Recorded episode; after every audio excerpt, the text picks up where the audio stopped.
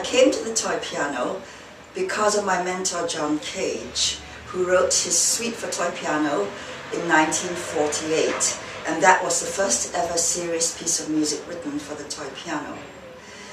It gave me the idea that the toy piano had potential, that it had possibilities beyond just being a toy, that with hard work, imagination, and sheer foolishness, I could perhaps turn it into a real instrument.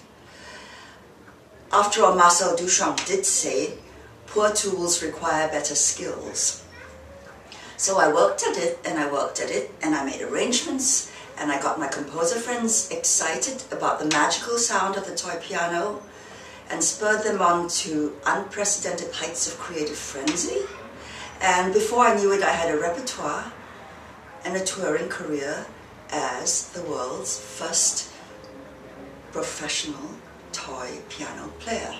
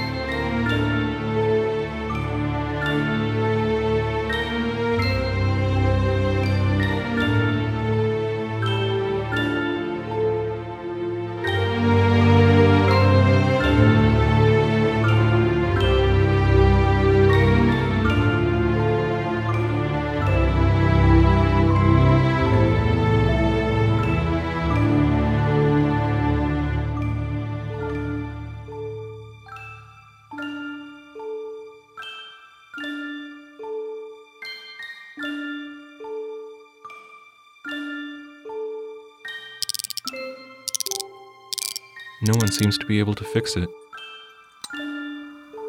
No one can fix the music box. That's my uncle. Uh. Oh man, this is embarrassing. Um. I can't. Can't remember. That's. I know her name. It's, uh. I don't know. Is that me? Is that really. These slides are really.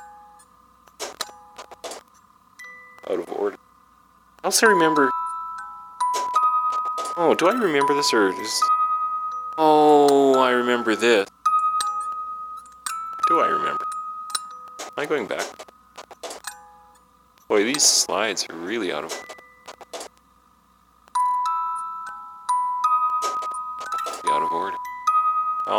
scrambled up. Oops. All scrambled.